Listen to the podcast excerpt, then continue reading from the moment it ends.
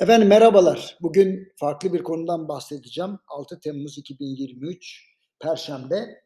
Şimdi herkes para kazandığını zannediyor. Uf diyor bu pandemiden sonra ortaya çıkan furyada ne para kazandık işte KKM'ler vesaireler uçtu kaçtı. Peki gerçekten bu doğru mu biraz anlatayım. Şimdi biliyorsunuz bir önceki raporda da size güzel güzel anlattım. Çekirdek enflasyon tüfeden yüksek çıktı. E demek ki e, mevsimine bakılmaksızın harcadığımız ne varsa hepsi resmi enflasyondan daha yüksek seyrediyor. Ha.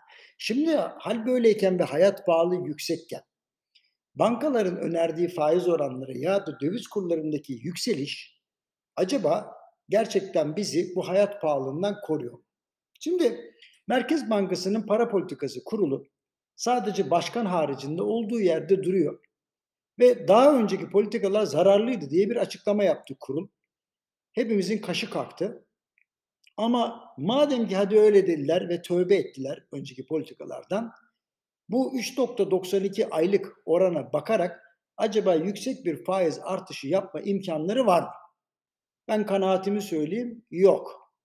Yani belki bu ayki faiz artışını bir öncekinden düşük tutacak, belki de hiç dokunmayacak. Yani bu görüşü teyit etmek için bankaların mevduat oranlarını bir göz atmak lazım. Şimdi bankalar bugünlerde yüzde kırkın üzerine mevduat faizi vermemeye başladılar. Kamu bankalarında da aynı eğilimi gözlemliyorum.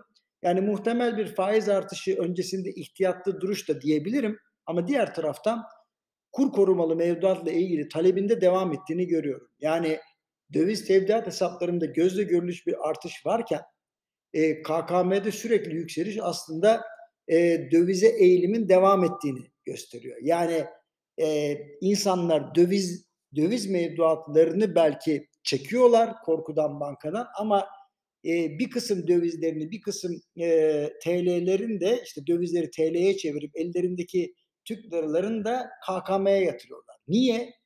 E, şundan dolayı Türk insanı her koşulda kazanmaktan hoşlanıyor mesela.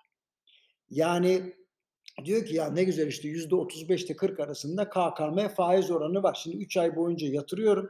Her günde kontrol ediyorum. Döviz yükseldikçe faizin çok üzerinde kazancım var. Velev ki döviz yükselmesin bu sefer de faiz kazancım var. Daha ne olsun diyor. Ee, ben aslında şöyle diyorum.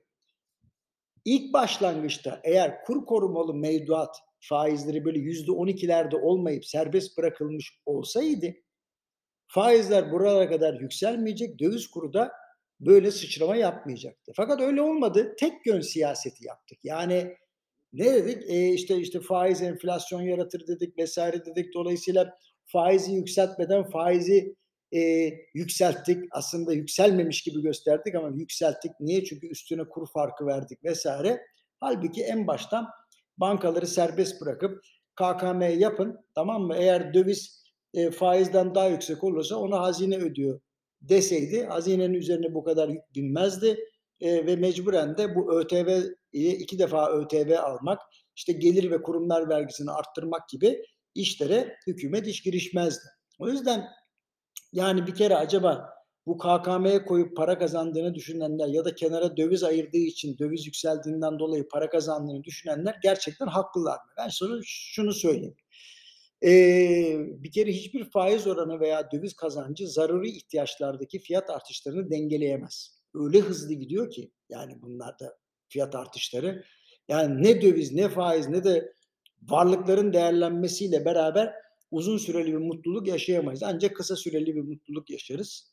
Eee, ve e, bu sanıyorum hani çok sevinenler, çok para kazandık diye sevinenler er ya da geç sonunda anlayacaklar ki kendilerini zar zor koruyabiliyorlar hayat pahalılığına karşı. Ha, hiç yapamayan var, da ayrı mesele. Şimdi gerçek bu.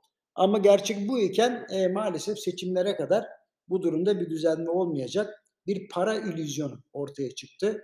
İnsanlar çok para kazanıyor, oturdukları yerden gerçekten para kazanıyorlar. İşte kur korumalı mevduattı, yok faizdi, işte borsada coşmuş gidiyor. Ama hepsini dövize endekslediğiniz zaman e, açıkça söylemek gerekirse ortada bir tuhaf durum var. Hani borsada da kazanç var. Hadi onu da hayat pahalılığıyla karşılaştıralım. Orada da insanlar hani zar zor korunabiliyorlar. Demek ki kazın ayağı öyle değil. Yani elbette, eee, kur korumalı mevduat ya da dövizde kalmak ya da altında kalmak insanlara belli bir kazanç sağlıyor. Belki borsada doğru yatırımlar yapmak ama hayat pahalılığı bu artışların çok üzerinde seyrediyor. Dolayısıyla kendimizi illüzyona kaptırmayalım. Varlıkların değerlenmesi karşısında evet, insanların biraz gözü döndü. Eee, ancak, eee, şunu söyleyeyim, yani, bu denizin sonu bir gün gelecek, su bitecek. O zaman hep beraber bakacağız ki, yani, meğerse biz bir illüzyonun, bir aldatmacanın içindeymişiz gibi. Ha, olan neye oluyor? Tabii fatura kime çıkıyor? O zaman Margaret Thatcher'ın 1980'lerde söylediği sözü hatırlayalım. "Kamu, bankadan kredi çekmiş olan iş insanı gibi parayı kendisine ait zannetmemeli." diyor. O da yanlış ama. Eee, çünkü kamunun parası yoktur diyor. O vatandaşın parasıdır. Buradan hareketle diyor, kamunun borcu yoktur. O diyor vatandaşın borcudur. Yani hazine KKM için, eee, açığa düştükçe, yani KKM'den dolayı ödeme güçlüğüne girdikçe aslında bu vatandaştan, işte, gördüğünüz gibi ek vergiler olarak, işte, yükseltilen vergiler olarak çıkmaya başladı. Demek ki Margaret Thatcher haklıymış. Gerçi kendi sözünü de yedi, onu da söyleyeyim. Çünkü o da kamu açığını arttırınca kelle vergisi koymaya kalktı. Onu da götüren o oldu zaten iktidardan. Eee, dolayısıyla, eee, kamu harcamalarını finanse edeceğiz, eee, veyahut da vatandaş dövize gitmesin diye onlara, hani, ballı enstrümanlar sunacağız desek yine onları koruyamıyoruz hayat pahalılığı karşısında. Çünkü sürekli olarak enflasyonun ateşine odun atıyoruz. Eee, ücretleri ve maaşları yükseltmek de yine aynı etkiyi yaratıyor. Bakalım bu nereye kadar devam edecek? Efendim hepinize hoşça kalın. Yarın görüşmek üzere diyorum.